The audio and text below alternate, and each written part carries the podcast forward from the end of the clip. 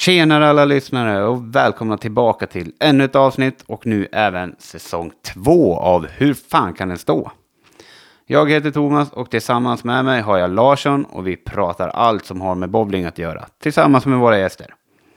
Vi gör detta för att föra den här sporten framåt och ha det allmänt roligt när vi gör det.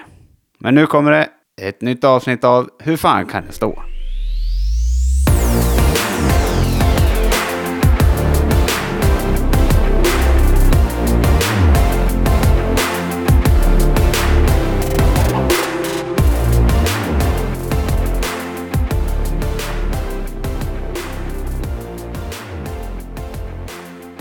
Tjenare Larsson!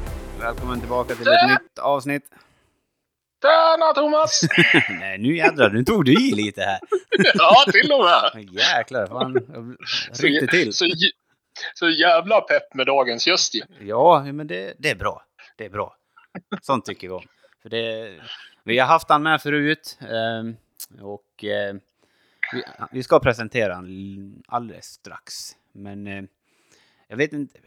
Nej, det, vi, vi får se vart, det, vart vi landar idag helt enkelt. Ja, Jag, har ingen plan överhuvudtaget, så det blir säkert bra. Men, det är tur att jag har det. Jag jag har styrt upp det lite i alla fall. Fan, fusk. Ja, jajamän. eh, jag vill välkomna våra lyssnare tillbaka till ännu ett avsnitt eh, och så kommer vi presentera vår gäst här nu tänker jag. Blir det bra? Då kör vi. Eh, han har varit med förut som sagt och det är inte mindre än Peter Saino igen. Välkommen tillbaka! Thank you, thank you. Hur är läget? Det är under kontroll, eller så gott det nu kan vara faktiskt, i de här tiderna. Mm. Still alive som sagt, men det är fasiken inte lätt alltså. Nej, jag kan tänka mig det. Eh, Det är en av mina frågor här, så vi kan väl börja med det på en gång. Där. Hur, hur har det här jäkla året varit eh, för dig nu? För vi hade ju med dig... Var det i mitten av pandemiåret? Ja, jag tror det var i början där. Ja. Precis, jag kommer, jag var, precis, det var precis när det börjat där och det, det har varit väldigt magert det här året faktiskt, måste jag säga. Det, jag vet, vi har ju drabbats ganska hårt både på vi har ju båda bowlinghallarna, både Nynäshamn och Brännkyrka har vi fått eh, skära ner ganska ordentligt med, med öppettider och Mm. Och shoppen har inte varit mycket alls heller för att eh, av någon anledning så har vi drabbats. Det blir dubbel, dubbelt, det har blivit dubbel drabbning eller vad man ska säga för att det är, vi, det är en bit av restaurangbranschen samtidigt också som vi är en del av en idrottsverksamhet. Så det är liksom Mm. dubbeltoppa. Ja.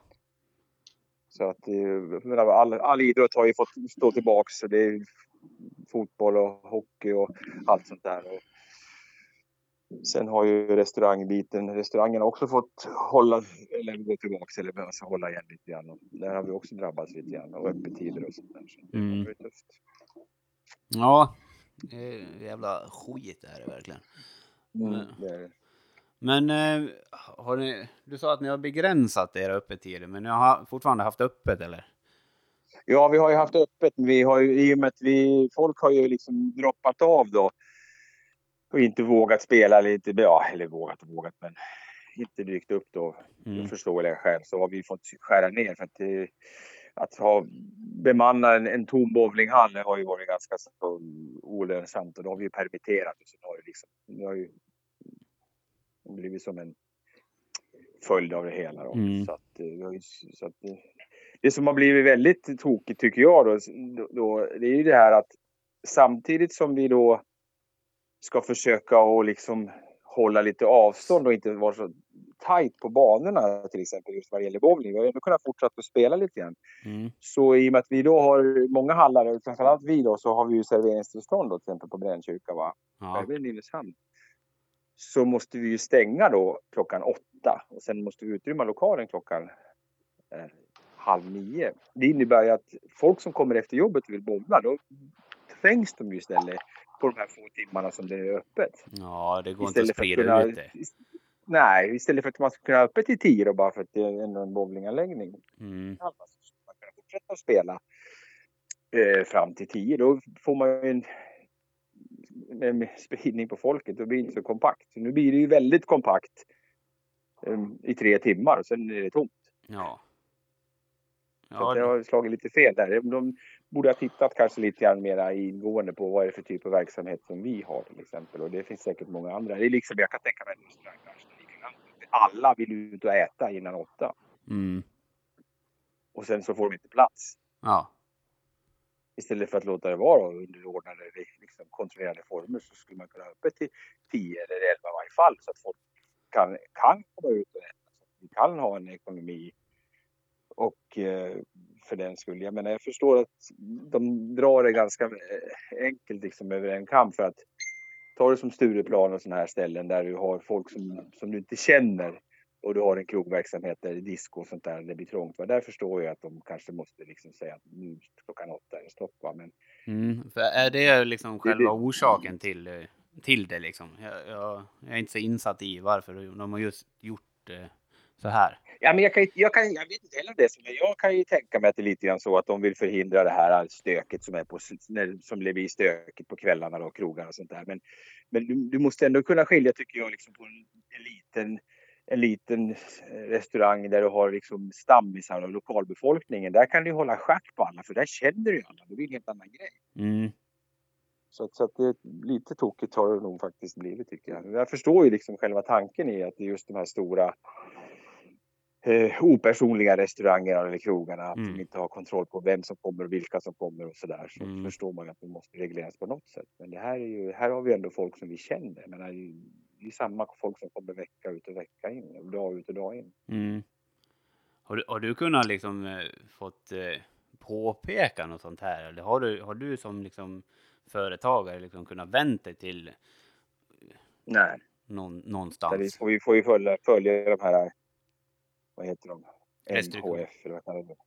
Ja, ja, ja eh, Folkhälsomyndighetens Ja, FHM kanske. Inte ja, ja, Motormännens helnykterhetsförbund, det är väl något annat kanske. ja, ja, det kan det Ja. Nej, precis. Så att vi har inte, vi har ju liksom försökt, vi har ju förföljt deras eh, rekommendationer så, så mm. gott vi nu kan. Mm. Och så har vi sökt alla, alla möjliga omsättningsbidrag och permitteringsstöd och allt man har fått så har vi försökt att pussla ihop det och sådär. Men det har ju ändå liksom inte gått ihop utan det har ju nött på ekonomin lik förbaskat. Ja. Men det, det är liksom inte hjälpt så mycket som ja, man hoppades på alltså? Nej, nej det har det inte gjort. Det har, det, det, det har inte hjälpt så mycket som det hoppats på tyvärr. Så har det varit, har det varit lite magert. Men mm. det, det, har ju ändå hjälpt till, det har det gjort, men, men inte alls i den utsträckning som man kanske tyckte. Det hade kanske varit bättre i så fall att betala ut eh, fullt stöd och, och sen kunna ha haft bommat helt i tre veckor och sånt där och sen betalat ut så att man klarar sig. Mm. Men nu har det blivit så här mitt emellan. Va? Det, man ska vara igång lite grann och det är, det är aldrig bra. Nej. Då är det bättre med allt eller inget alltså? Ja, jag tycker nästan ja. det känns så faktiskt. Med facit i handen. Mm. Så gjorde de i Norge och så gjorde de i Finland vet jag. Det, det verkar ha varit eh, rätt metod. Ja.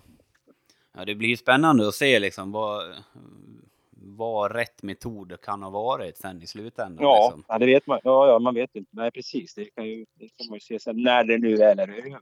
Ja, och det vet vi fortfarande inte nu liksom. Ja, precis.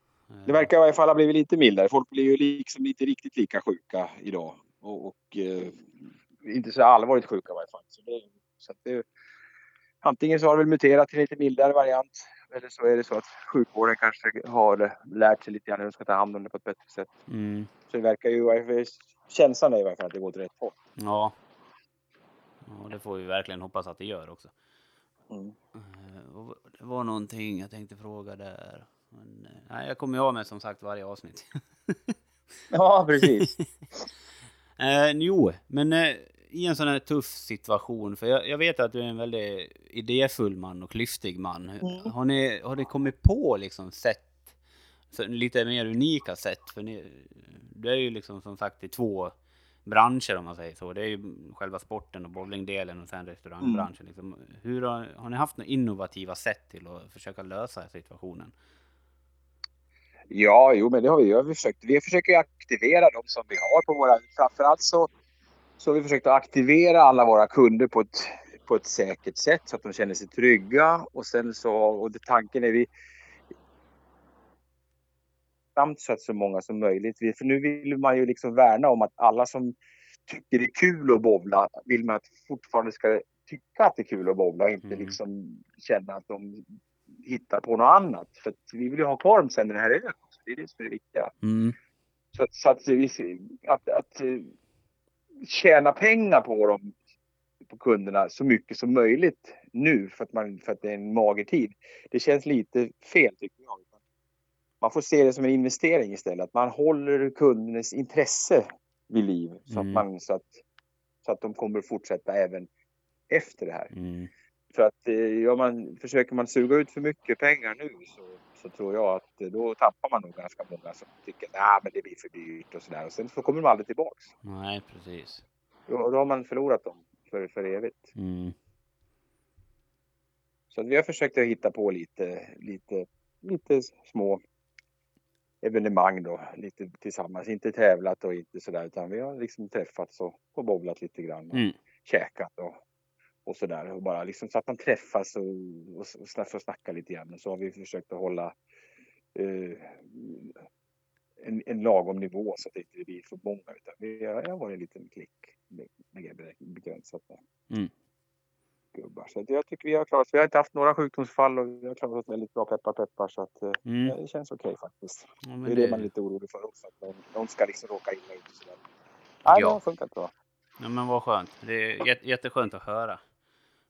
Att, Mm. att det ändå går på att göra det liksom så bra som ni, verkligen har gjort det. Liksom om ni inte har fall, Mm. fått något nå, nå sjukdomsfall. Liksom. Det, det är jättekul att höra. Ja, alltså det finns ju viss risk. Det är klart, den är ju, jag menar, några, några är ju liksom mer aktiva och, och sen är det ju många som inte man har sett på länge heller så att det är Mm. väldigt olika. Men den här klicken som har, som har varit aktiva, de har varit lojala och kommit tillbaka. Så Mm. Det har blivit som en liten trygghet att man, man vet att man, man känner varandra. Det är som en, blir som en familj. Mm. Så, så det känns jättebra. Härligt. Så där är vi glada. Ja, det förstår jag verkligen. Eh, Jag, jag hoppas att eh, folk som lyssnar på det här, liksom, att, de, att de uppskattar det här slitet som, jag, som ni företagare har just nu. Mm. Alltså det är, det är ett otroligt slitsamt år och eh, att ni försöker så himla mycket hela tiden. Och jag hoppas att folk eh, uppskattar och förstår det verkligen sen. Ja, men det tror jag också. Jag, jag tror nog att de flesta förstår det. man vill ju tro det. Ja, ja precis. Vi tror det i alla fall. Ja, ja men det är bra. Ja. Det är perfekt. Eh, Men eh, en annan del utav eh, i, i ditt företag, om man säger så, det är ju provshoppen. Mm. Ja, Hur, hur, hur har den varit det här året då? ja den har ju varit, har ju, det har ju varit i princip nästan ingen försäljning alls. Mm. Det var lite grann så fanns det ju ett eh, fanns det ett litet intresse här runt eh, strax runt, jag menar innan årsskiftet där. Mm. För att i och med att förbundet hade ju då i varje fall inte spikat igen seriesystemet helt och hållet så att eh, då fanns det lite, som sagt var, någon köpte någon boll och lite så här smått. Men eh, efter förbundet sa att vi kommer att ställa in säsongen och ta upp den till höst så, så dog det ju helt. Ja. Och jag tror dessutom det här då. Jag tror ju det här, det här med att man ska plugga igen alla balanshål och sånt här.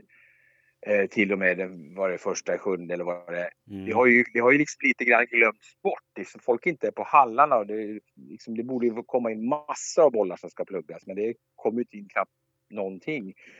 Så tror jag att det här kommer ju folk, sen när det väl börjar sen i, i höst så kommer ju folk att, liksom komma på att visst 17, det var ju det jag skulle göra också. Så att frågan är egentligen hur stökigt blir i höst sen. Ja, det kommer vara 70 meter kö utanför din buss. Ja, det- risken är att det blir så mycket så att, att man inte, liksom inte hinner med. Utan jag, jag tror nog att förbundet kanske måste... Eh, förbundet måste nog kanske mm, ge dispensen lite längre fram. Och inte sätta första i sjunde utan kanske ge den ett halvår till så att man hinner med. Mm. Eftersom ändå det har varit som det har varit nu. Att folk har ju inte ens varit på hallarna och det har inte varit någon aktivitet. Så får man nog kanske ta det i beaktning. För att det kan bli rätt stökigt också. Att jag ser framför mig bara i alla ligamatcher där liksom eh, ett flertal bowlare som har glömt bort att fixa det här. Ja. Ja. Och, och hur ska det då? Jag menar, ska de kliva av matcherna eller ska, ska vi diska matcherna eller lämna VO eller vad ska vi göra? Så det blir nog många konstiga följder om man inte skjuter på det ett tag till. Ja, men för det, Ja, det kan, nog- det kan nog bli lite stökigt. I alla fall längre ner i seriesystemet. Ja, exakt. Precis. Det är de, det är de som drabbas mest. För att Mm. högre upp så är det inga problem för där är ju folk väldigt medvetna om vad som gäller och plus att man förnyar ju sin utrustning ändå. Men just som sagt var, lägre ner i serierna så kanske man inte bryr sig så mycket om man har sin boll eller sina två bollar. Så har man inte liksom följt med så mycket utan man har släppt det här för att det har varit pandemi nu. Och så kommer man på det sen i sista minuten. Mm. För det, jag tänker lite sådär på, ja, men på matcherna om det där skulle hända liksom. Eh, Det, fin- Mm. det finns ju inget bra sätt att, att lösa det där under en match. Eh, För då ska det ju skickas, om, man, om inte parterna kommer överens, då ska det ju skicka, skickas in, eh, vad heter det, nu höll jag på att säga en motion, men eh, till förbundet och så kommer det ju lösas efteråt.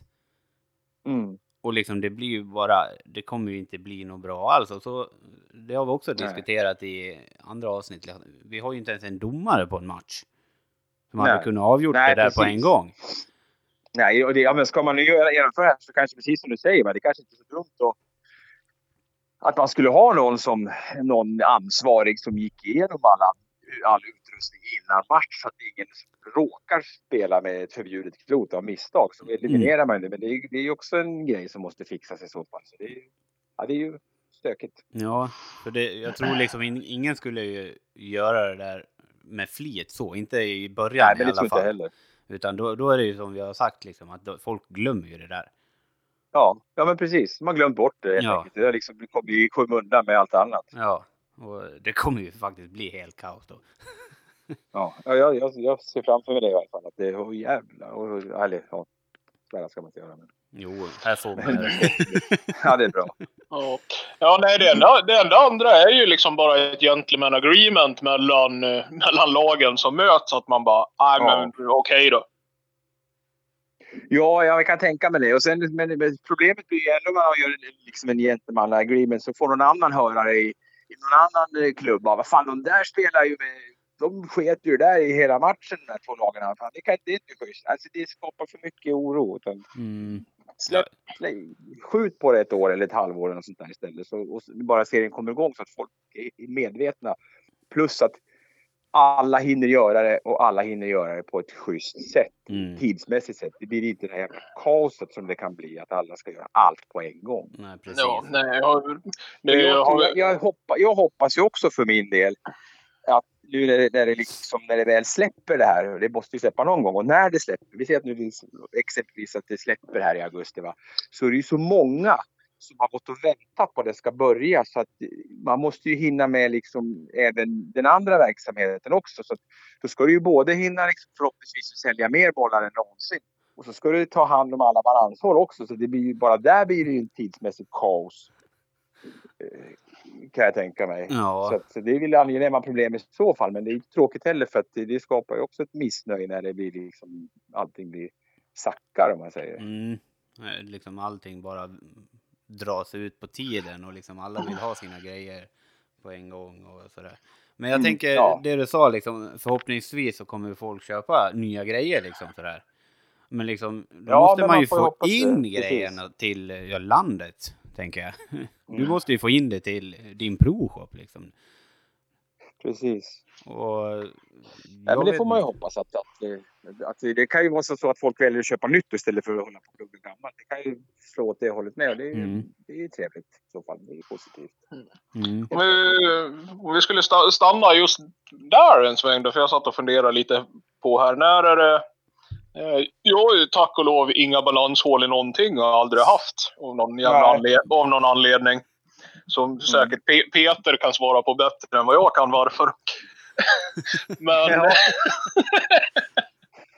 men eh, när, är det, liksom hur, när är det värt att plugga ett klot och när är det inte värt att plugga ett klot?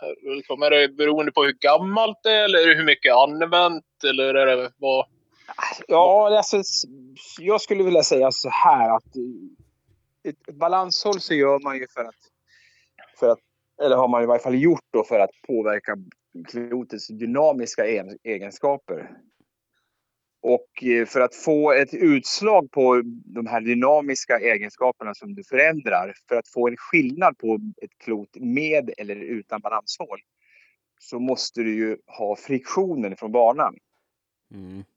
Och har du då till exempel en, en gammal boll som är mättad med olja och väl sliten. Va?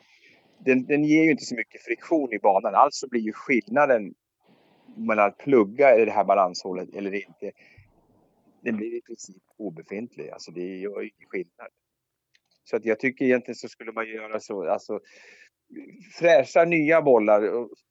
Där, där kan det ha en liten skillnad, men på något som är gammalt sådär, det, jag tror aldrig det är liksom det i stora i slutändan så den lilla skillnaden som blir, den är marginell.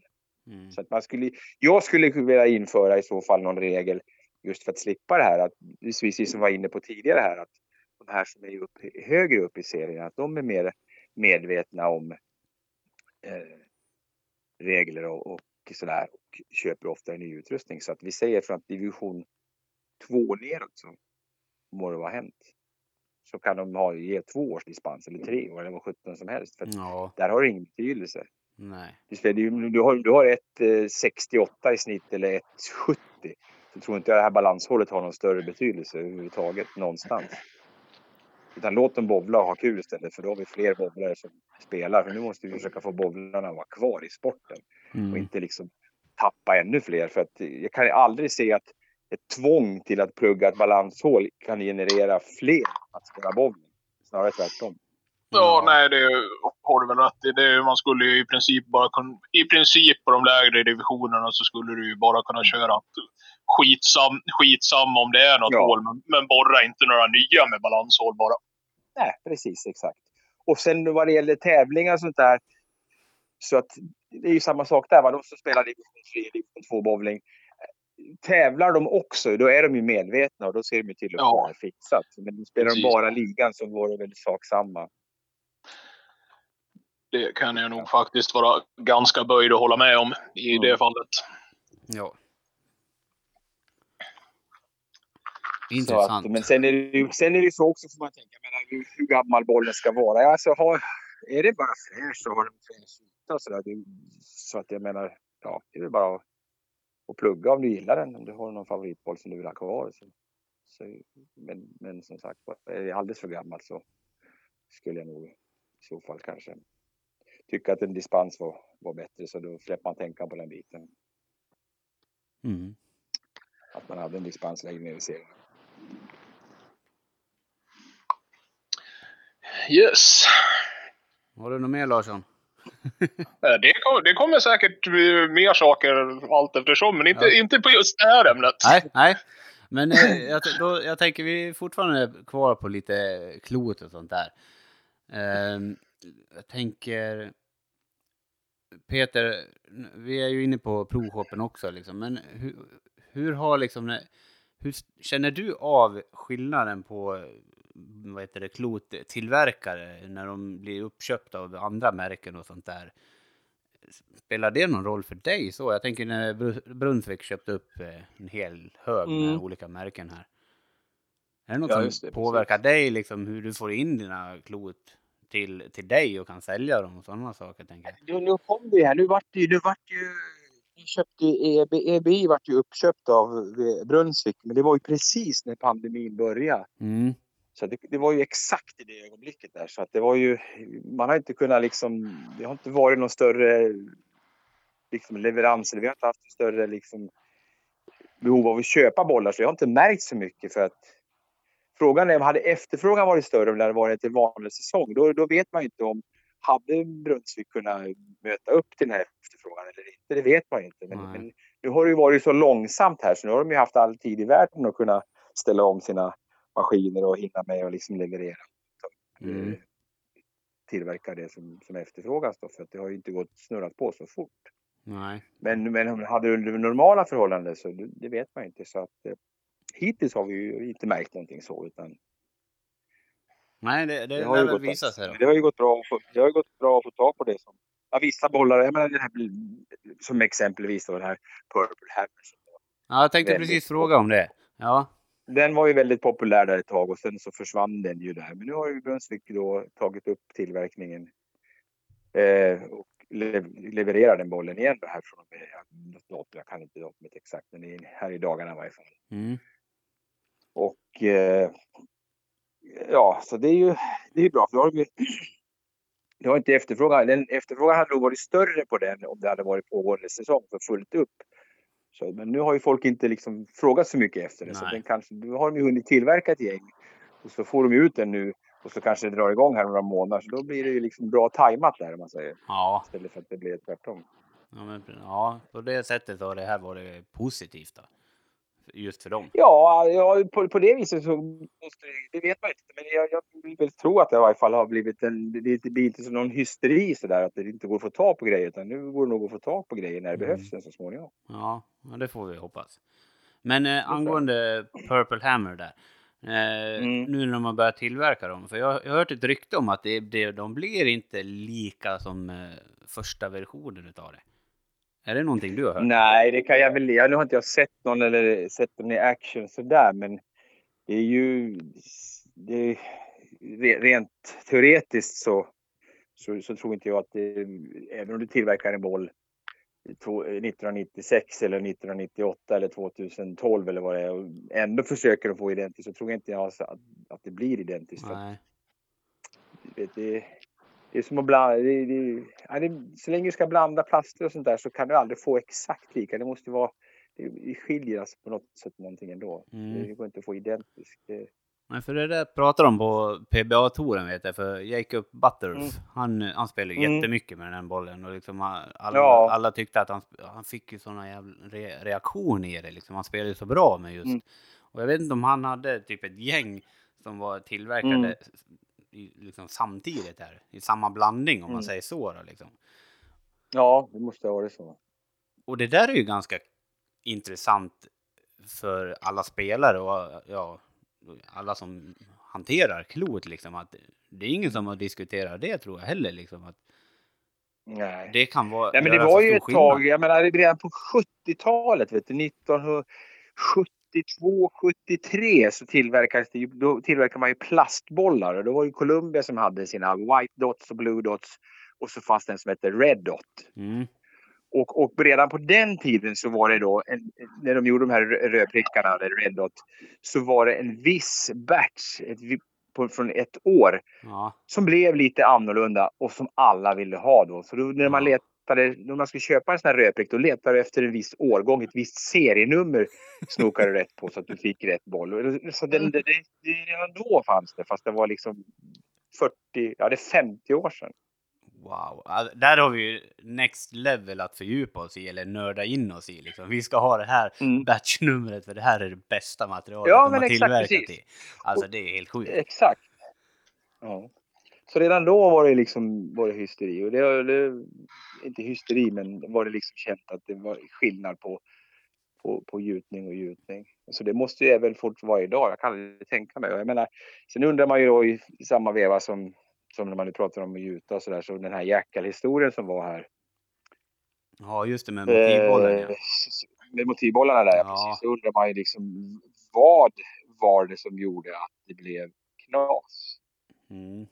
Alltså vad var orsaken? Var det, var det en omedveten handling eller var det en medveten handling? Ja. Det, det, det, det, får man ju aldrig veta. För, men vad var grejen med de bollarna? De låg ju på gränsen i massa värden. Jag Mm, det- det var vad. Di, diffen var ju för hög. Va? Du får ju Mm. ha en viss differential. Differentialen det är ju i själva, det är ju alltså, du har, eh, du har viktblocket stående upp så har du ett visst, så ta, åtgår en viss energi för att rotera viktblocket ett varv. Mm. Och när viktblocket ligger ner så går det en viss mängd energi till att rotera den ett varv. Ungefär som du tar en, en flaska och, och roterar Mm. på två olika axlar. Och den skillnaden mellan den energin som går åt och drar runt det här ett varv, det kallas för differ, alltså differentialen, skillnaden. Och därför så kan du inte forma ett, vikt, block precis som du vill utan du måste hålla dig inom vissa ramar. Så det får inte vara för stor skillnad mellan liggande och stående axel. Ja, Och det var det som hade blivit det på de här eh, jackalbollarna. Den, den diffen, den skillnaden hade blivit lite för hög för att uppfylla USB-Cs regler, krav. ja. Och, och varför det blev så, det, vet man inte idag. Nej, för de ville väl ligga väldigt nära gränsen i alla fall. Har jag, Har Exakt. uppfattat de, som. Precis. De la sig väldigt nära gränsen precis. Och så blev det något fel i tillverkningen då? Eller no, Ja, eller så vad, blev det- vad det nu var. Någonstans blev det fel. Maskinen som hade ställt om sig. Jag kan, jag kan tänka mig någon, någon teori som jag skulle kunna tänka mig. Som jag kan tänka mig att du vet, när du får en boll som är sådär bra som, som den jackalen var, så speciell. Och du får och du vill ju hinna tillverka så mycket som möjligt. Va? Så kanske det går lite för fort. Mm. Att man inte hinner, hinner liksom kontrollera alla produkter och ta sina stickprov utan man bara mosar på. Så blir det någon liten justering i maskinen och så kanske någon batch slipper, kommer igenom. Ett visst antal bollar råkar slinka igenom där innan man hinner justera till felet. Så jag tror inte att alla jackalbollar var inte så här, var lite utanför så att säga, själva normerna eller gränserna. Utan det var någon viss liten mängd som kanske slank ut. Men då drog vi alla över en kam. Mm. Så det, jag, jag, tror inte det, jag tror inte alla var det. Utan jag tror att det var en viss bit. Och nu rå- råkar de här bollarna hamna då mitt i rampljuset. Mm. För det motivet var, de var väl ganska nya på marknaden då va? Mm, ja, de, ja, men de har funnits ett tag ändå. Men de hade inte haft någon så jättebra produkt. Eller jätte, inte bra, bra. Men alla produkter är väl bra. Men de hade ingenting som stack ut så pass mycket som den här gjorde. Precis. Det, på ett sätt så, ja de blev ju stora på grund av det också. Alltså, Ja, de fick, ju, de fick ju reklam. Ja, pu- publicitet är ju publicitet. Ja, ja, precis. Exakt. Exakt, exakt. Det, det kan ju varit ett medvetet val det också, det vet vi inte heller. Men det är jädra massa... Nej, man, man kan ju spekulera i allt sånt där. Det Ja. spekulera i, i hur mycket som helst. Precis. Ja, det är intressanta grejer i alla fall. Så det, Ja, vi får kolla precis. upp batchnummer nu när vi köper klot. Ja, precis. Vi ska ha ju samma batch från början. Jajamän. Ja, men det var ju lika som de här. De gjorde, de här, gjorde ju den här Marvel Pearl var ju väldigt populär. Ja, Och, och, och det gjorde de ju en version av. Och sen har de gjort High Roads och allt sånt här. De har gjort liksom vidare, vidare då liksom återtillverkat dem och sådär. Mm. jag, jag, jag har spelat så mycket med det så jag vet inte om, om det har, folk tycker att det har varit exakt lika. Och det har varit skillnad. Jag har faktiskt ingen aning. Men det finns ju många exempel där de har gjort reproduktioner, man ska säga, Mm. klassiker. ja, men speciellt på high road bollarna. De har ju funnits Mm. länge och det, de säger att det är Mm. den mest populäraste bollen och hittan och dittan. Men, eh, så liksom, Precis. Det, kan ju, det är ju som vi diskuterat här nu, alla blir ju inte lika. Nej, Så, det kan ju omöjligt bli exakt lika. ja. Ja, det är intressant. Ja. Ja, det är fasiken, det går att grotta in sig mycket som helst. i där. Alltså, Det går- det är så otroligt fascinerande. har du varit eh, i en klotfabrik om man säger så? Mm. Vi var i Brunnsviks fabrik när det låg i Michigan på 90, i Muskegon 1995, 6 någonstans var vi där. Mm. Kollade på tillverkningen. Hur var det då? Var det intressant? Det var väldigt intressant. Jag tror det har hänt mycket. Nu har inte jag varit i någon fabrik eh, på, på sen dess då. Det är ju några år sedan nu då. Men Mm. det var ju inte någon direkt någon... Eh, eh, alltså miljön var ju väldigt smutsig och, och eh, det var ju mycket plast och sånt där. Så Ja. att det har aldrig varit nyttigt på något sätt. Nej. Men när började de tillverka reaktiva klot? Eh, 1992, 92 alltså, då, då var det ganska Mm. nytt liksom. Med de här lite... då, då, då, släpp, då kom ju Excalibur så- och det var den första reaktiva bollen. Jag vet inte hur... Det, det är ju många olika stories om hur den, det, Några säger att det var en ren slump, att det var, fick en felsändning i plasten och det råkade vara någon som fattades och så var det den här friktionsytan. Och andra säger att det var medvetet. Men det vet jag aldrig faktiskt. Men det hette i varje fall... Så att eh, den kom, den släpptes 92. Det var ju, det var ju revolutionerande för Mm. hela sporten. Är det någon som har patent på, på, på reaktiv Patent? Ja, eller hur fungerar sånt där liksom? Ja. Om man kommer på någon. Ja, men Jag det blev ett misstag. De Men, Jo, men de har, alla har väl sina alla plastleverantörer och plaster som har, som har väl tagit liksom skrivit avtal med någon, någon plastfabrik och Mm. sådär. Men jag tror inte de har tagit något patent. Ja, det kanske de har. Jag vet faktiskt inte. Nej, för Det, det, det den, vet jag inte. den personen skulle väl vara rik nu, tänker jag. Ja, ja, ja, ja precis. Exakt. ja, det är häftigt hur, att, hur, hur sporten har utvecklats. Mm. Materialmässigt Precis. i alla fall. Ja, Det är ju nästan ja det som har ju... Mm. Ehm, vi fortsätter lite med klot och sånt där. Mm. Vad tycker du en bowlare behöver för klot? Har jag skrivit upp här. Det är, alltså det är en väldigt bred fråga så liksom. Det är en väldigt bred fråga, så det beror ju lite grann på, vilken nivå och vad, vilket, liksom, vilken nivå man bedriver sin bowling på. Mm. Men jag menar, som, som, jag menar ytterst grund är så simpelt då tycker jag. Men- man, vi säger att du spelar korpnivå eller om du bara lirar för skojs skull så, Mm. så tycker jag att då bör du ju ha åtminstone två klot tycker jag i varje fall. Mm. Och dels, dels eh, en reaktiv boll och en polyesterboll. Ett spärrklot. det är, ja, precis, Mm. spärrklot. Och jag tycker att då är det dels så här för att dels så tjänar du ju, det är ju mycket lättare att spärra med ett klot som går rakt. Mycket lättare att sikta på spärrarna. Mm. Så där har du en fördel att tjäna lite poäng. Samt då eftersom de här reaktiva bollarna är oljeabsorbenter. De suger åt sig oljan och tappar friktion som vi nämnde tidigare. Här. Mm. Gamla bollar med balansomläggning. Så, är det skillnad. så är det som så att du sprider också ut ditt spel på två klot. Så att du, ditt strikeklot kommer att leva längre. Du Mm. ökar livslängden på det. Så att även om det är en investering med två klot, både en strikeboll och spärrboll, så har du igen det i långa loppet i varje fall för att du har din strikeboll Och polyesterbollen I- i- behöver du ju Polyesterbollen behöver du ju inte köpa så ny så jävla ofta heller direkt. Nej, precis. Utan den kan du ha i 10 år, 15 år. Så länge den är hel så funkar det alldeles utmärkt. Mm. Det är samma boll. Så det är liksom steg ett om man, om man, om man liksom är lite intresserad av liksom bowling och vill lägga, börja liksom med, med, på, en, på en nivå. Sen, så, sen är det ju då de här reaktiva bollarna, eller strikebollarna, då kan man ju ha lite olika ytor på dem sen för att få olika reaktioner. Då blir nästa steg att man har en matt och blank Mm. till exempel.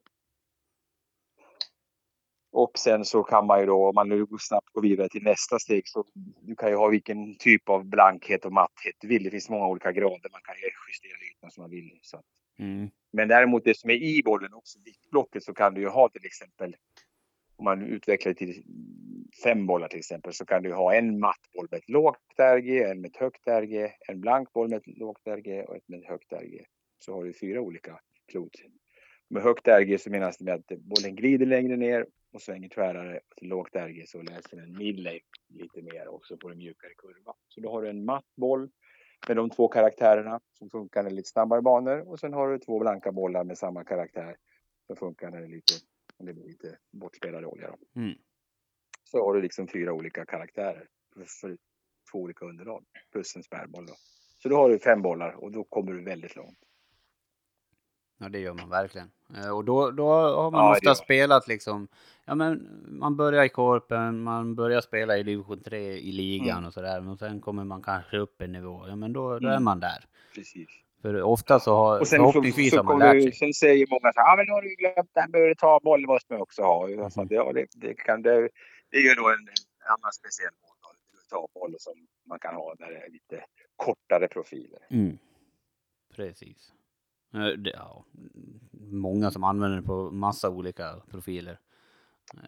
I- Ja, i det är det. dagens Så läge. syftet som, som, ja, så, syftet som jag ser då med uretanboll, varför den har kommit till användning och kommit tillbaks lite grann. För det var ju uretan som det var som gällde då innan de här reaktiva.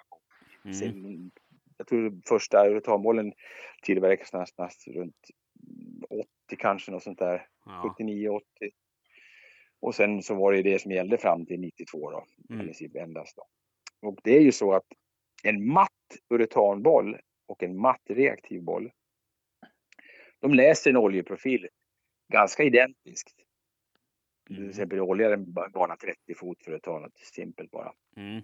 Så då får du ju bollen och, och, och liksom läsa och tappa fart och bromsa upp i oljan precis som det är tänkt. Mm. Du har- När du har en matt boll. Men problemet när du kommer ur oljan, då har du ju fortfarande 30 fot kvar till käglorna. Mm. Varav du har den ena klotet som är då reaktivt med hög friktionsyta. Va? Den kommer ju svänga ner i vänsterrännan. Mm. Medan den här uretanbollen då som inte har lika aggressiv yta. Den kan du hålla kvar på i, i, i schack. Så den ligger ju kvar i spel. Så den kan du träffa fickan med. Mm. Så det är väl lite så man får tänka med en, med en uretanboll. Att, att, eh, Den slutar ju rulla i sidled helt enkelt.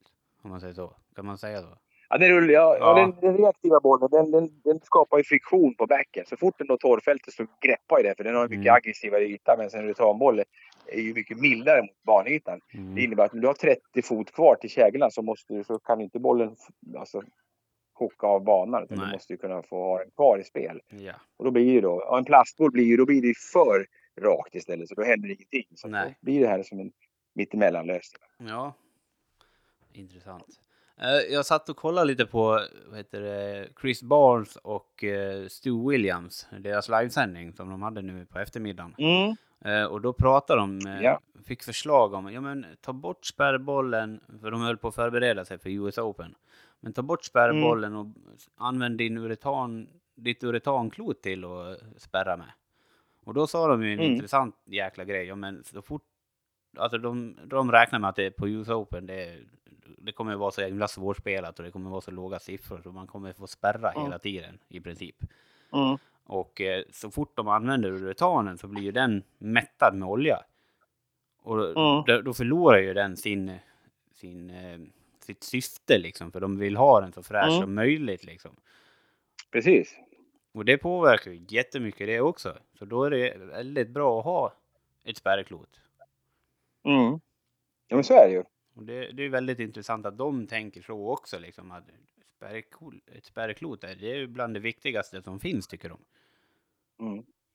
Det, det, Det är ganska du- intressant det här med det, du säger det här med att eh, uretanen ska ju liksom läsa banprofilen. Den ska ju läsa liksom, i och med att du använder den på kort olja. Mm, Så, så för att bollen ska kunna, för att du ska kunna lä, nyansen på en kortolja, så nyansen i själva profilen, alltså nyansen i banan, den finns ju närmast dig mm, på en kortolja. Den finns ju inte längst ner, för där är det platt och torrt. mm, Så den finns ju närmast dig och alltså måste ju bollen bromsa så fort du släpper bollen så vill du ha broms för att det ska kunna läsa profilen och skillnaden. Det är där du skapar en marginal. mm, Jag vet inte om du såg på PBA här. Jag tyckte, han nämnde han, Randy Peterson nämnde ju där att i ett spelpass där på sex serier så hade ju Jesper Svensson borrat upp sex stycken identiskt likadana bollar. Så han tog en ny för varje serie. Oj, ja, det, har jag, det, det har jag missat. Vi- wow! Ja, och det, och det hade aldrig, det hade aldrig, det hade han, Randy hade sagt, det hade han aldrig liksom hört talas om eller varit med om. Han hade gjort det under PBAs historia. ja. Så han, han hade en, en, och i och med att han då är vänsterhänt va, så har han ju liksom, när han byter banpar så är det ju fresh på varje, ja, det är ju nyoljat han. Det är ju inga andra som spelar där i princip. nej inte så, må, nej, inte så många, eller väldigt få i varje fall. Ja, Så då fick, då fick han ju den här reaktionen som han ville ha med den här fräscha ytan genom hela spelpasset. Istället för att spela med en, ja men det är ju det är ju oljig uretan. skitsvårt, smart menar jag. Det är ju skitsmart att göra så. ja. Precis. Det är helt otroligt. Så har du bara möjlighet så, så, så det är egentligen så det, det är perfekt. Är du på högersidan till exempel lite grann. Där blir det ju så att om du har då, du, du går, tar en vanlig boll till exempel som är matt och så spelar du, så spelar du ju bort oljan Mm. eh, om man är flera högerhänta. Och det innebär att då måste du ju byta boll. Men samtidigt som du spelar bort så blir ju den här bollen lite blankare och reducerar friktionen. Så det, det, liksom, det blir ju det blir naturligt där att det liksom passar iväg hela vägen Mm. mer än på vänstern. Absolut. Och Men det är smart, smart tänk i varje fall. Ja, oh ja, och liksom han är ju en jävel på att bomba uretan. Alltså det är, han har ju, Mm, det är ju ja, hans verkligen. levebröd. Eh, kan man väl säga. Ja, han är grym. Ja, han är att, eh, helt otrolig. Så det är, det är klart, dra fördel utav det. Mm. På alla sätt ja, ja, som går. precis. Men vad, vad, vad tycker du liksom om materialspelet i, på, vi tar PBA-touren. Alltså, man- jag ser på lite shower på Youtube, Brad and Kyle och sånt där. Och de, de har ju nästan en tävling om vem som kommer borra upp mest klot under en tävling. Mm. Det är ju en jäkla... Ja, det, ju- det, Har det gått det är ju- för långt eller är det bara en del utav sporten nu liksom? Jag, jag vet inte. Man, det, ja, det, allting, allting ute, alltså det snurrar ju på hela tiden. Va? Det, det Mm. spelar liksom ingen roll. Va? Det är, ja, utvecklingen går ju framåt och på alla sätt. Va? Materialet och folk hittar ju nya vägar. Folk vill ju vara innovativa och hitta nya lösningar. Va? Det, var precis som men det här med som Jesper nu med sex bollar. Det är säkert någon mer som kommer prova. Mm. Det är som Boklöv och V-stilen när han kom på det. Ja, precis. Nu, som han kom på. Är det, en slump eller om det var medvetet? ja. Fosbury-floppen till exempel, han som hoppar höjd där. Mm. med ryggen. Ja. Ja. Jag menar, allt sånt där. Så att, eh, någon som kommer på det. Nu var det någon, någon som hade tillverkat någon, någon sko här för löparsko som var någon extra svikt i. Som de, som de förbjöd för det var för mycket. ja, just det. Ja. ja, allting rullar på som du säger. Och det... Så, så all, allting, för folk försöker hitta på saker så det ska bli liksom lättare och bättre och snabbare och högre poäng och allting hela tiden. Och jag tänker till stavhopp kan jag tänka mig jag menar stav, stavarna måste utvecklas enormt under all liksom, tiden. Sen ja. säkert spjuten också som kastar och kastar långt som fasiken fick de ju ändra på. Så, så att folk, då sätts det nya gränser och nya regler. Och det är Mm. samma sak här. Va? Det kommer säkert att komma att använda tre bollar eller vad sjutton det är. Så att det, ja, ja det Mm. så Ja, att, det, det är spännande. Men nej, ja, jag reagerar där liksom. Ja, men tänk dig om det, om det bara blir tre bollar på en tävling. Mm. Hur mycket makt har inte klottillverkarna i den här branschen att göra? Liksom? De kommer ju protestera utav bara tusan. Ja, alltså men samtidigt så det finns ju lite grann av det här redan idag, till exempel på mästerskap. Ja, det Så, gör det. så får du ju, då får du ju ta under, så att säga, under inspelningen innan mästerskapet börjar så får du ju så får du ju bobbla med dina bollar som du har. Så får du välja bort dem som får användning av. Så att där, där, där finns det fortfarande plats för tillverkarna att tillverka bollar. Men, men när det väl börjar tävlingen sen så får vi begränsa. Det tycker jag, det känns väl ganska Ja. okej tycker jag Mm. faktiskt. Just på sådana här lite större arrangemang. Mm. Det är som jag menar, jag kan tänka mig jag vet inte hur skidåkning är, men jag kan tänka mig till exempel att du inte får använda hur många skid, skidor som helst under en tävling. Utan du får väl kanske, du provar ju lite valla och grejer och donar Mm. innan och sen bestämmer du att de här kör vi med. Ja, precis. Men för där lär är väl rulla, rulla på liksom en vallning. Alltså, det är ju en hel vetenskap bara det. Mm, ja, och, och precis. det, Exakt. det Dyrt som fan är det tydligen också. Ja, ja, ja, vi kommer återkomma till skidor sen lite i slutet här. Ja. Ska vi göra. Eh, Men eh, jag tänker, vi byter ämne här och pra- pratar lite mer om, Mm. om dig. Eh, Du har, ju, Mm. du har ju bowlat väldigt länge och du, du har drivit hall och provshop och sådär. Mm. Vad har du mål för din bowlingkarriär för framtiden? Vad, hur, hur ser det ut? Har du tänkt något på det? Nej, faktiskt. Jag har inte funderat så mycket. Det har gått lite i vågor på senaste tiden här. Jag var ju, man har ju ändå ett sug någonstans innerst inne att, att, att bovla lite grann själv. Och det är kul att vara duktig såklart, det är ju också där. Men samtidigt så när man ändå har hållit på så mycket i, i den här sporten så det har, man har, det har nog blivit lite att, att själva eh, bowlinghallarna, att man liksom driver två bowlinghallar, har ju, då har man liksom flyttat fokus lite grann på att man vill försöka att få så många som möjligt att uppskatta eller tycka om bowling som man själv Mm. Man, försöker liksom, man är mera inne på den att målsättningen är nog att, att, att försöka liksom att sprida glädjen och försöka få så många som möjligt att, att bowla. Och förr så var det kanske lite mera fokus på en själv, att man själv var bra att bowla. Men det kommer inte lika först längre. Man säger. Nej. Sen, sen är det ju också så här att man, jag vet som Walter Ray och Pete Webber som nu eh, tackade för sig. Då? Mm. Så är det väl lite grann så att allting utvecklas, utvecklas ju som vi sa och, och jag menar spelteknik och allting sånt där så att eh, man får ju söka sig då om man nu vill vara konkurrenskraftig som i mitt fall då, så kanske man får söka sig då till, till lite andra typer av tävlingar och sådär om man nu vill ha målsättningen och, och liksom vara med och fightas och vinna. Men sen, jag tycker nog det är fortfarande lika kul att vara, till exempel åka och spela bowlingbonden och bara vara med. Mm. Bara det sociala. Mm. Och sen vill man ju inte vara alldeles för kass heller, men att man håller ändå hygglig nivå. Så att, men att vi liksom har ett krav på att ta sig till final, sånt där, det får man nog sätta åt sidan lite grann. Utan, Det blir en bonus om det, om det blir. ja, det får ju, ja, precis. Får Ja. bli en jättebonus alltså, om man Ja. vill. Utan nu är det bara liksom att med och visa att man fortfarande kan hänga med fläckvis i alla fall. Mm. Men det, det, det kommer du göra i flera år framöver, det tror jag. För, liksom, Ja, det hoppas jag verkligen. för du, ja, du har ju sett så jäkla mycket bowling också. Du kan Mm. mycket bowling, du kan material speciellt. För det, i Mm. dagens läge så handlar det mycket om att läsa av banan och veta vad man Jo, men så är det ju. har för Och det är ju så här också, som jag, som jag alltid har sagt, att en smart bowlare kan alltid slå en bra bowlare. Mm.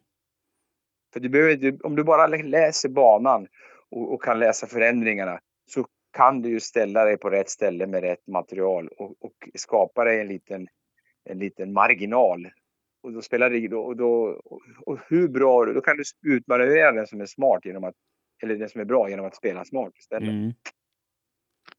Ja, Det där kommer. Och den som är, ja, den som, eh, jag måste faktiskt säga det som jag alltid har tyckt också, och den som verkligen har liksom, den bowlare som jag beundrar för att han har varit så enormt, han har materialernas kunskaper och kan bowla väldigt bra och har bowlat väldigt smart. Det är faktiskt Thomas Leandersson måste jag säga. Mm. Han har alltid varit en idol och en förebild på det, för mig på det viset. För att han har liksom lärt sig att bowla på den här gamla goda tiden med uretanbollar där man har inte haft så mycket olika skillnader i materialet och du har fått vara, bedöma tempo och, och, och axistilt och sånt där när du släpper bollen. Så ta med sig in det här med, med de här nya bowlarna och ändå inte träna så där enormt mycket utan bara vara intelligent och spela smart så har han ju varit fantastiskt bra. Han har ju liksom han är fortfarande kapabel att slå vem som helst skulle jag säga. mm. ja Så att, absolut. eh, ja, så att han, han undrar jag verkligen. Han, han måste jag säga, det har varit. Eh, vi måste ta och hälsa till honom nu också. Eh, han har ju Ja, haft eh, absolut. massa strul, eh, inte bara med pandemin. Så krya på dig Mm. Thomas, kämpa på. Så Krya på det Thomas. Jag hoppas verkligen att vi får träffas igen. ja, det, det hoppas vi också att vi kommer få träffas. Mm.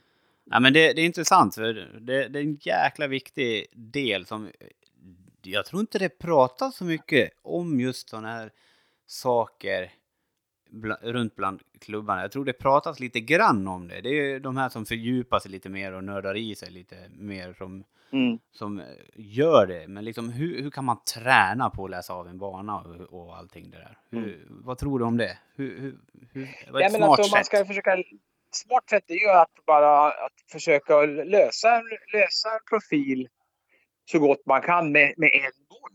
För då, måste du, då får du prova, liksom, du har en boll, du har den här bollen, eller det här klotet, Mm, och, och sen har du den här profilen. Och så får du testa dig fram vilket tempo och vilken linjeval, vilken fart, vilken axistilt och hur du ska göra för att, för att klara det, liksom, lösa det här problemet. mm. Oh ja, för det, och det är bland Då- det då svåraste att hantera- göra. Då lär du hantera farten och axelstilten. Då lär du liksom att ta med dig det här. Liksom, den, att du har ett, det är ungefär som jag menar, det är ungefär som en tennisspelare skulle bara ha en, en, en liksom, du, du kan bara slå en smash. Vad Ja. långt kommer du då? Du måste ju kunna göra stoppbollar och lite forehand och lobba. Och, alltså, Ja. du, vet, du måste ju ha lite känsla. Du kan inte bara liksom sopa fullt varenda gång. Nej. Det är lite, det är liksom, jag menar, det är lite med bowling också. Det här måste också kunna ju bedöma lite tempo. Jag, jag kan tänka mig golf också. Nu spelar inte jag golf själv, men du kan inte slå för fullt varenda slag du slår i golf. Du måste ju liksom när du puttar och, Mm. och när du ska slå in på green, även om du har samma klubba så kan du slå både låsa, lösare och hårdare. Jag tror inte du liksom sopar för fullt varje gång. Nej. Kan- Nej, det går ju inte. Då blir det ju inget bra. Nej, liksom... så, så att det är liksom själva kombon där, att kunna liksom variera, sitt, sin, e-, variera sig själv tillsammans med sitt material. Och sen och lära, för att lära sig det så, så var statisk. Ta en boll och så ger du sjutton fasiken på att nu ska jag fixa det här med den här bollen. Och sen nästa gång så tar du en annan boll och så säger nu ska jag fixa med det här. För då får du ju liksom experimentera dig fram. Mm. Hur, hur, tror du, hur tror du många bowlare skulle, skulle göra det i, i- bowling-Sverige? Det, det är så många som de vill bli bättre, men eh, Mm. de vill ju inte träna riktigt så. Eller lägga Nej. ner den tiden liksom. Hur, hur kan man få bowlarna att bara leka och tänka i det här sättet? För det, är man på en träning, ja men då är det ju bra att träna. Och det här är ju en ypperlig Mm. grej att göra i så fall. Ja, och nu har du verkligen haft chansen att träna för nu finns det ju ingenting att tävla eller liga. Alltså, så ska du liksom förbättra någonting så har du ju alla möjligheter i världen just nu utan att behöva stressa. För att du har ju ingen kommande match nästa helg och nästa helg och nästa helg. Mm. Så att nu kan du verkligen sätta liksom, tekniska detaljer och nöta. Du har ju kunnat nöta ett år snart på någon pryl. Ja. Så, så att eh, ja, det gäller att ha lite tålamod också. Mm. Ja, tålamod är viktigt i bowling. Ja, ja helt klart. oh ja. Det, det är sällan man får bara strikes. Mm. Det, ja, det är intressanta grejer vi tar upp här. Det är, det är kul. Mm. Ehm, men eh, vad är målet med dina två hallar och provshoppen? Provshoppen, nu är det ju bara jag kvar där. Vi hade, jag jobbade ihop med Dennis förut då, men han, Mm. han valde att sluta där och har en lite, jobbar lite med annat.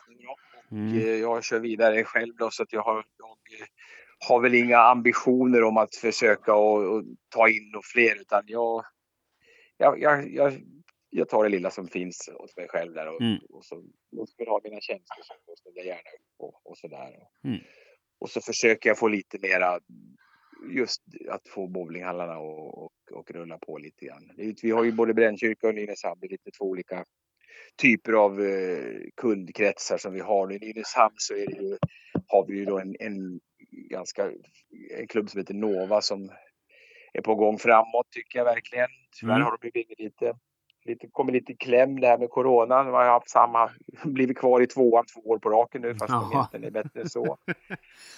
Ja, Eh, det känner vi igen. De vill vi, de, så de vill vi ju försöka och, och att det ska växa den klubben. Det gäller att få in lite korpbowling och lite lösspel och sånt där. Så att där jobbar vi mycket med den sidan och att försöka få ner eh, hela Nynäshamns invånarna ner. Det är en lite mindre ort då. Så att, Mm. eh, på så vis skapa intresse. I Brännkyrka så, så är det lite svårare att få ner. Vi har Midsommarkransen där i ett område runt om. Det är lite svårare att nå lokalt för att trots allt så i en liten stad som Nynäshamn, där känner ju alla alla. Och eh, får man någon bra grej och sånt där så, så går ju liksom snacket ganska fort att det, det är något bra på gång och så dyker folk upp. Men i Midsommarkransen där är ju man drunknar lite grann i allt annat där. Det är ju både fotboll och det är hockey och det är allt möjligt. Och det är Hammarby och AIK och stora alltså idrott och sånt där. Och Mm. där får man försöka att att hålla igång klubbverksamheten så gott det går. Då. Mm. Och eh, försöka plocka lite kunder som kommer ner. Lokalt i alla fall. Ja. Men det är lite, lite svårare och liksom, det är, konkurrensen med aktiviteterna är, är tuffare i storstad för det finns så mycket annat att göra. Mm. Det är det även här uppe har vi märkt, kan jag säga. Mm. Så Ja, det, det, ja, men en följdfråga på, på det där. Liksom. Mm. Hur tycker du att bowlingen popularitet har varit eh, genom åren? som tävlingsbowling eller som, som det var, då, som, som, då var det ju, varför, varför, jag läste någonstans, läste faktiskt en gammal bowlare häromdagen, men nu kommer jag inte ihåg vilket årtal vi pratar om, men jag tror vi snackar om någonstans 1900, mitten på 80-talet. Så då hade vi 1200 bowlingföreningar i Sverige. Wow, det låter jättemycket. Vad har Jag vet, idag inte, jag vet inte vad vi har idag. Ja, 150 kanske. Ja, det är så pass stor skillnad. Alltså. Ja. Ja, ja, jag tror det är så här. Så att, så att, det- så att populariteten på bowling, det, det var ju... Eh, jag läste faktiskt en artikel om mig själv där. Och då, fanns, då, fanns, då fanns det en det var en tävling då som hette Svenska Kuppen på 80-talet och den 70 och 80-talet. Mm. Och eh, eh, 1900, jag råkade, jag, råkade, jag vann den där svenska Sverigefinalen då 1988. Och då i den tävlingen, då, det året, så var det i alla hallar runt om i Sverige fick man köpa sånt där kort. Så såldes det 20 000 starter. Wow. Alltså 20 000 starter. Och det, alltså, så att det, visst, det var ju otroligt populärt. Och sen har det tyvärr då fallit tillbaks lite grann. Ja. Eller en hel del faktiskt. Ja. Just på den tävlingsbiten. Och idag så, så är det väl så, det som jag märker idag, nu är vi ju, nu kommer ju coronan, här kommer ju den och sen vart ju, alltså jag kan inte säga att det blir ett uppsving direkt för, efter det här direkt sådär. Men för att vi ska kunna göra någonting så tror jag att man måste kanske tänka om lite grann. För att vårt seriespel har ju sett ut precis likadant i alla, alla år. Mm. Och, och eh, idag går ju allting så mycket fortare och folk har ju så mycket fler aktiviteter, så mycket annat att göra än förr. Mm. Så du kanske inte väljer att sitta och åka från Stockholm till Hagfors sex timmar i bil för att bowla fyra serier sen åka hem igen. Va? Nej. Utan du kanske vill göra tvärtom. Va? Du kanske vill åka 25 minuter med bil, bowla i tre timmar, sen åka 25 minuter med bil hem. Mm. Ja, för det där, Och vi hade med Oskar Palermo i ett avsnitt. Och han sa ju Mm. det också, liksom, att det är ju den här tiden som har förändrat mycket. Liksom, att det, det, allting ska gå så fort hela tiden. Mm. Hela tiden. Och Precis. det är därför det, det blir... Han trodde att det, det var det som gjorde det liksom. Ja, för jag märker också de, de, de, de, de, nya kunder som vi nu har fått till exempel på Brännkyrkan i Nynäshamn. Man, man försöker liksom att locka dem till någonting. Så de är nere och bowlar på tisdagskvällar. De är nere på onsdagskvällar och spelar. De är nere på torsdagskvällar och tränar och, och, och sådär efter jobbet. Och, och så säger man så här, bara, ja men fasiken på lördag kan vi hitta på något kul. Ah, du vet jag ska till, jag ska till farmor och fika på lördag och sen ska vi till Ikea och kolla på lite grejer och sådär. Så vi, vi, vi, vi syns nästa vecka va. Mm. Och då är det ju då man ska spela seriematch, har ju vi lärt oss. Ja. Nej men då, då ska man idag, men då måste man hinna med att gå på Ikea och hälsa på farmor och, och vara den biten. Men bowla kan man göra i veckan istället. Så jag tror att vi kanske ska försöka att tänka i lite nya banor där. Att eh, spela lite mera kanske kortare resor och lokalt. För då kan du spela dina seriematcher eller vad det nu är för tävlingar. Så kan du spela det under, under veckorna. Mm. Och sen ha lite andra aktiviteter på helgerna. Mm. Många har kanske båt. Då kan de ju till exempel ta sin lilla båt och åka iväg. Många har en sommarstuga. Då kan du åka till sommarstugan när som helst. Eh, men du kan bowla när du är hemma under veckan. Mm. Ja, intressant perspektiv tycker jag. Så att eh, mera, mera kortare resor, mera lokalt och sen lite och sen försöka och, och eh, erbjuda det. Jag kan tänka mig som jag vet när vi var på 90-talet när vi åkte till USA och bowlade där lite grann. Mm. så vet jag, de snackar om att ja men då, då, det, finns ju många hallar och de är stora och ligger titt som tätt där. Så spelade någon snubbe, han lirar Monday League och han lirar Tuesday League och Wednesday League och Thursday League och Friday League. han. För han ville spela varje dag i veckan. Så han spelade på den, någon hade spelat måndagsligan och någon annan hade torsdagsligan och någon annan hade sådär va. Så då kunde jag själv välja vilka dagar jag ville spela och hur mycket och allting. Och så var det ändå liksom helgerna lediga Ja. Coolt. för att umgås med familj och vänner och Ja. sådär. Så det är kanske någonstans det hållet vi ska dra åt. Ja. Varför inte? För det, jag vet inte. Vad, för nu, nu är det ju så precis som du säger liksom. Folk tränar under veckan och så spelar de match på helgerna. Men liksom, Mm. ja, korpen finns ju, men liksom, och så finns det några små tävlingar så. Men man, kanske det hallarna måste göra just för att få, få bredden tillbaka, liksom. Att ha alla små tävlingar under veckorna. Ja. Nej, men så, ja. Ja, det är smart. Jag tror det faktiskt. Så det, Mm. liksom så man måste i alla fall försöka. Sen det blir, kan Precis. inte bli sämre tycker jag. Nej, och det är det jag menar. Du är innovativ. Du, du tänker och klurar. Så det, Ja, det är så himla kul. lite, det är lite, erfarenhet av saker som man har sett och, och märkt under årens lopp. Och så försöker man bara tänka tillbaka. Det är, det är inte något nytt egentligen. Utan det är bara att man måste liksom, det är bara det, det här det är olika veckoligor. Det har ju fan, man har ju sett det. Man vet ju sett hur poppis det har varit. Så Mm. Försöka bara få med det. Även hit i år. Eller Ja, nu eller ja, framtiden då. ja, precis. Ja, härligt. Mm. Eh, vi, vi fortsätter med dig. Ja, absolut. Hur går det med all löpning och cykling och även skidor har jag sett dig hålla på med nu. Ja, Alltså, men, nu, du är ju- ja, men det går bra. Du är ju i sån jäkla fysisk form så jag vet inte vad. Jag har nog aldrig varit i sån här form som jag har varit nu. Jag, jag pikade ju där ett tag för många år sedan. 99 kilo. Och nu har jag, jag väger 73 då, så det känns ju rätt så okej faktiskt. Ja, det kan jag tänka Så mig. det är jag nöjd med. Så att jag får ju... Så att, nej men det har varit kul faktiskt. Det började väl med en liten, liten... Det, hur- hur det började, det var ju så att jag tänkte jag kan ju för sjutton inte väga tresiffrigt så kort som jag är. Så, så var ju tanken då. Ja. Och, det, och, då, och då så råkade en, en som heter Björn Bergman som spelade bowling i Uppsala. Så hade han en liten, så här liten vadslagningstävling då på Facebook. Att man skulle tappa 10% av sin egen vikt på 100 dagar. Och så fick man böta då en, en viss slant om man inte fixar det där. Så tänkte jag fasiken, det där måste vara en bra start. Jag brukade inte springa eller någonting. Så jag Ja hopp, hoppade med där bara för att få en morot och kunna tappa lite vikt. Och sen så la jag om kosten då i alla fall och så tappade jag lite grann och så började jag ju då, när jag gått ner några kilo där så började jag ju gå. Alltså gå varje dag. Så raska stadiga promenader. Gå, gå, gå, gå. Jag gick så 17. Och istället i bårbussen så istället för att käka massa McDonalds och massa skit så plockade jag med mig lite grönsaker hemifrån. Lite paprika och tomat och banan och sånt där. Som Mm. Lite nyttiga saker. Och knaprade på det istället. Och drack vatten och sådär. Och sen så hade jag till sist efter en stund så hade jag tappat så pass mycket vikt så jag kunde börja springa lite grann utan att jag fick med bryta ett par tävlingar för jag hade så jäkla ont i knäna när jag vägde som mest. Mm. Så illa var det. Wow. Ja. Så då, då började jag springa lite grann och eh, träna lite för mig själv.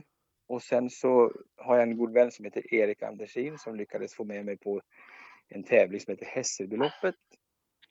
Och så sprang jag ett varv där, det var ju skitjobbigt. Och sen, men det var så förbaskat kul. Jag vet inte vad det var som var kul, men det var jätteskoj i varje fall. Så körde jag lite annat. Så anmälde vi oss till Stockholm Marathon där han och jag. Det, vi kom överens där en liten ett par öl och sådär. Så att det var bara att köra på det. Och sen har det bara fortsatt. Mm. Och sen så har jag försökt utveckla mig lite grann och försökt att cykla lite grann och sen simma och för att få lite mer allsidigt. Och jag är inte så mycket för att ligga i ett gym däremot. Så det är inte riktigt min grej då. Men, Mm. skidåkning lite grann. Jag har haft en kompis här. Jan-Ove Skog. Han är aktiv där ute i Bålsta med deras skidklubb. Så jag har varit, fått låna lite skidor och fått ut på honom. Det är fantastiskt kul alltså. Det är skitskoj. Är det Vasaloppet sen? då? Absolut! Oho. Ja, ja, för sjutton. Vasaloppet har jag som... Jag, ska, jag har som nu målsättning i alla fall. Vasaloppet ska jag i alla fall åka. Det har jag bestämt mig för. Men Mm. frågan är inte om jag ska åka nästa år eller året därpå. Det får vi se. Mm. Så det, är en grej som jag vill göra nu när jag orkar och kan. Mm. Och sen så ska jag i varje fall göra en, några, några maratonlopp och sen ska jag i varje fall göra, genomföra en Ironman någonstans innan, innan jag liksom blir för trasig, höll jag på att säga. Innan jag, det alltså jag orkar i varje fall. Ja. Jag blir ju gammal. Ja. ja, men passa på. Det är väl jättebra. Men jag har inga liksom tidskrav och sådär utan det är bara liksom att, att, att orka göra det. Mm. Att liksom genomföra det hela. Sen, sen om det tar 10-12 timmar eller 14, det spelar ingen roll. Nej. Ja, häftigt. Det är ju skitfränt. Mm. Det är bra, bra mål, tycker jag. Ja, jo, men framförallt. Sen, så det som är stora, stora skillnaden också nu när man märker att man har liksom lite grann fått lite ordning så här. Det är ju att man, man är ju piggare trots allt. Och Mm. man, man, man orkar mer. Och jag menar, det lilla bowling man spelar så det, det, det går faktiskt bra det också. Ja, Det blir- jag, jag kan tänka mig att det- det, är inte så himla jobbigt att bowla. när, Nej, när du gör så mycket annat. nej, liksom. Nej, men det är, man orkar mycket mer också. Jag menar, man, man kan vara koncentrerad lite längre tid också när du ska så där. Du kan hålla fokus längre. Så Jag tycker det, det har hjälpt där också. Det Mm. lilla man spelar. Bara, bara fördelar. Ja, liksom, ja, precis. Jag tycker det. Men det enda nackdelen var att jag måste köpa massa nya kläder. ja, Och, och nu, nu lär jag inte gå upp, får jag inte gå upp igen för då passar inte de heller. För jag har slängt de gamla så det blir inget bra det heller. Så Ja, då men- är jag tvungen. Ja då, då, då har du ju moroten där och liksom eh, hålla Ja, dig där. Och Precis. inte behöva köpa Exakt. nya kläder. precis. Ja, härligt. Eh, har du någonting du, du vill ta upp, Peter? Nej, jag vet inte riktigt sådär. Man får ju det som jag sa, jag bara hoppas att alla hallar nu som eh, finns kvar och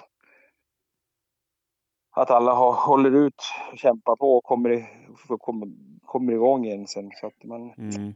jag saknar ju faktiskt det lite grann ändå. Även fast man inte satsat så himla hårt på det här med krokborrning och sådär. Men så saknar jag ändå lite grann det sociala, att åka runt och träffa alla goda vänner. Jag Mm. menar, som er, er tävling där som ni drog igång där, bowlingbonden, det var ju skitkul. Det var ju Mm. fantastiskt roligt. Det blev ju en jättesuccé. Alltså, jag menar, just själva inramningen där med finalspel och att folk bodde kvar och man kunde umgås på hallen och dricka en bärs och snacka lite annat. Sådana där grejer, det saknar jag jättemycket. Mm. Ja, alltså det är ju förbannat roligt det, det du säger. Alltså det... Och det, och det som ni gjorde där, det var ju så rätt alltså. Det är så, så en tävling ska vara. Du åker någonstans, du kan åka tre timmar till Mora eller till Rättvik Mm. eller vad sa. Så är du där så bowlar du. Så du kunde ju spela så mycket och så på, du kunde ju verkligen fokusera på bowling när du var där. Mm. Då blir det liksom, även om du åker en bit så, så rent proportionerligt så, så är ju körtiden så liten jämfört mot den tid du får bowla. Då blir det attraktivt. Och det var ju Mm. precis det här som jag pratade om, det här med att man ska åka kortare sträckor och spela mer lokalt. Mm. Så funkar det här. Det här är ju- var ett steg precis i rätt riktning och det var därför det var så populärt också. Mm. Fast det var liksom kanske, det var en, en mera kompakt, det var liksom en veckogrej. Och jag tror det, det funkar också precis som det. Men just det här att åka liksom 7-8 timmar för att spela fyra serier sen åka hem, det finns inte längre. Nej, alltså det, Så att- det, tar ju tid och kraft liksom. Så det, det arrangemanget som ni hade så, så var ni verkligen någonting på spåren. Kanske, inte vet jag om det var medvetet eller omedvetet, men det var helt rätt i varje fall.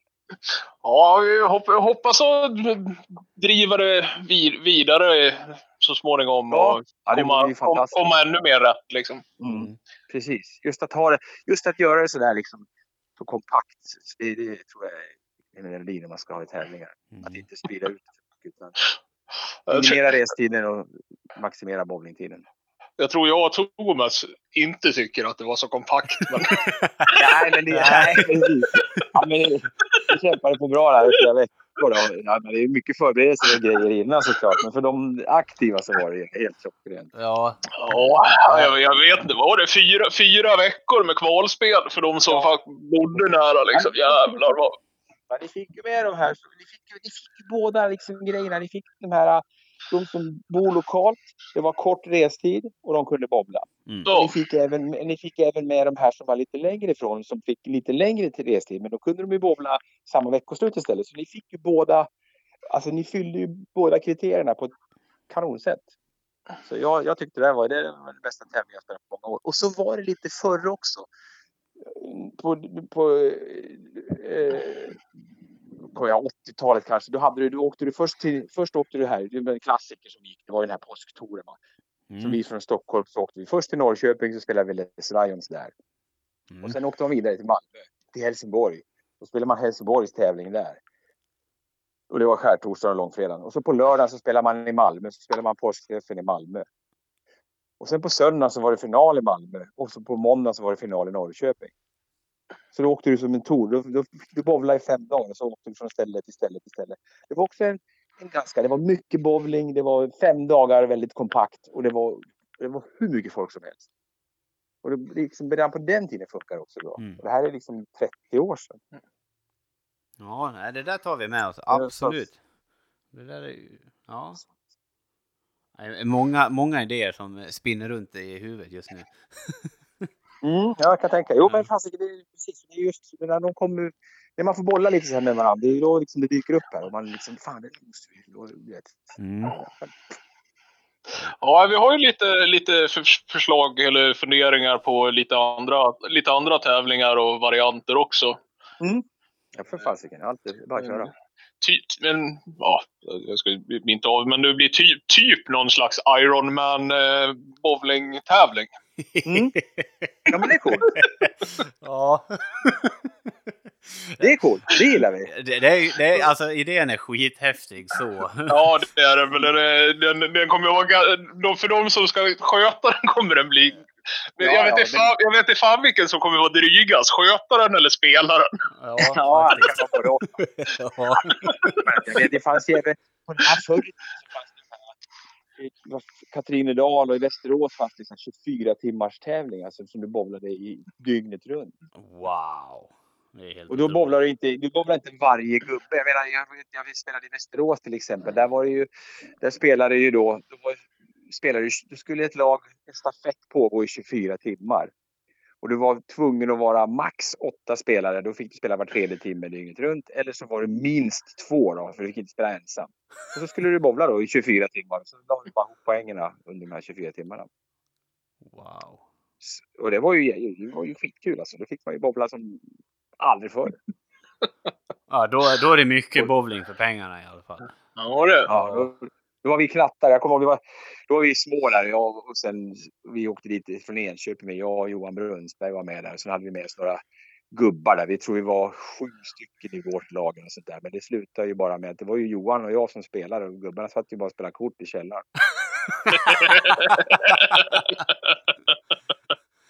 Så vi, vi drog den där stafetten varannan start hela natten där han och jag. Vi, vi var ju skit, vi var inte så gamla. Vi var väl en 16-17 bast. och Vi var ju, ja men fan nu är det tur att bowla. Nu ska jag bowla. Så vi bowlade hela tiden. Så det var inga problem. Så vi, och gubbarna spelade kort och satt och drack whisky i källaren och slappnade och bara spelet.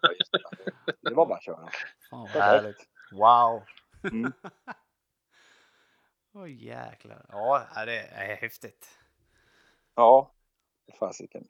Ja, Alltså det finns ju som sagt var mycket så här, jag menar lite arrangemang göra det också här grejen. Det är mycket bowling men inte så mycket resor. va. Det är mycket happenings på en gång. Och det tror jag att det där, det, hur man än vänder och vrider på det så är det liksom dit du kommer till slut. Det är det konceptet som du måste ha för att det ska funka. men ett helt jädra paket ska det vara. Måste det vara. Precis, exakt. Ja, helt rätt. Men jag jag kan tänka mig att det är ju många hallar liksom som som har det problemet att de kanske, det kanske inte ens är ett hotell i närheten. Nej, men bara en sån sak också. Ja. Nu är vi tillbaka till samma ämne här. Ta till exempel som Hudiksvall. I, ingen penningaspill. Alltså det var inte så mycket pengar att- att spela om och sådär. Men tänk vad poppis den här maran har blivit. Ja. Alla vill ju spela den för det är så himla kul. Du åker dit och sen bowlar du jättelänge och sen så har du ett litet socialt umgänge. Och, och jag menar, så mycket bowling som du får under en korta tid. Det, det spelar ingen roll om du har tre eller fyra timmar i bil. Du får ju bowla för fasiken, jag vet inte hur många timmar du bowlar, men det är massor. Ja, Och det... det är perfekt. Och så, det behöver inte vara så, det liksom bara en sån sak. Det behöver inga, inte ens jättemycket pengar utan folk åker då för att folk vill bowla. Mm. Ja, i slutändan så är det ju det det handlar om. Mm. Helt klart. Exakt. Jag har faktiskt inte vågat spela den imorgon för jag, jag, jag har insett Nej, att jag, jag, jag kommer inte orka. jag är för dålig Nej. form för det. Men Nej, jag skulle inte, mina fingrar skulle inte klara bra. Nej. Nej, det, det, Och så- ja. Jag vet ju bara när jag bowlade bowlingbonden, jag hade inte någon skinn på min tumme. Det var inte meningen att jag skulle spela. Det var inte meningen att jag skulle lira där. De där alla starterna som jag gjorde det senaste året. Vi var väl ute där och drack lite bärs. Vi var hos Micke Alfredsson kvällen innan och hade den här... Just det. Vi var, ju, vi var ju där hemma hos honom ja. Och satt i soffan där med Pierre Gillis i den där bunten där. Och vi hade en platta öl med oss. Så det vart ju lite blött där på kvällen. Och sen skulle vi då spela, spela i Rättvik nio på lördag morgon. Det var ju snyggt. Men, men när man ja, lirade ett pass där så var man ju lite taggad där. Då var det någon tom plats i nästa pass. Så det vart ju sex serier till va. Efter ja. det var någon spelade 12, då kunde man lika spela sex till. Så det vart det 18 serier. Kvar. Men kul var det som fasiken. ja, då är det ju värt det, helt klart. Ja, ja, det var ju skitkul alltså. Var härligt. roligt. Ja, mycket kul. Ja, det är sånt där som man aldrig glömmer. Det är sånt där som man aldrig glömmer. Nej, men det är ju sånt där man vill åt. Det är ju mycket upplevelser också som Mm. ska ingå i det. Det är ju då allting blir roligt. Mm, precis. Wow. Ska vi avsluta där på topp tycker jag? Ja, det tycker jag. Ja, Absolut. Det vi- låter vi skitbra. det. Det. Det- Det, Nej, men nu måste jag komma upp och hälsa på er snart. Ja. Det Eh, låter bra. inte just nu, för nu, nu är det väldigt mycket här uppe faktiskt. Ja, ja vi får vänta lite grann tills det taggar ner sig lite grann. Precis så få lite ordning på det här. Men det verkar ju som att det, det verkar som att det som sagt var blir lite ordning med vaccinering och så. Man hör ju fler och fler som har blivit vaccinerade. Och Ja, även fast det är många mot- motståndare så, så tror jag ändå att det är rätt väg att gå. ja, det tror jag också. Helt klart.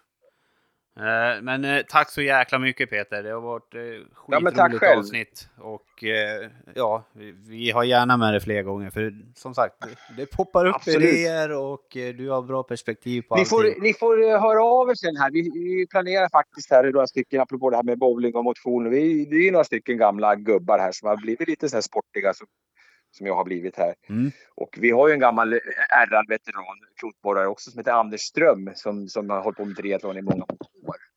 Ja, Så, så nu är vi ett gäng som ska ner och köra här eventuellt den 8 maj nere hos honom. Han har fixat de banorna.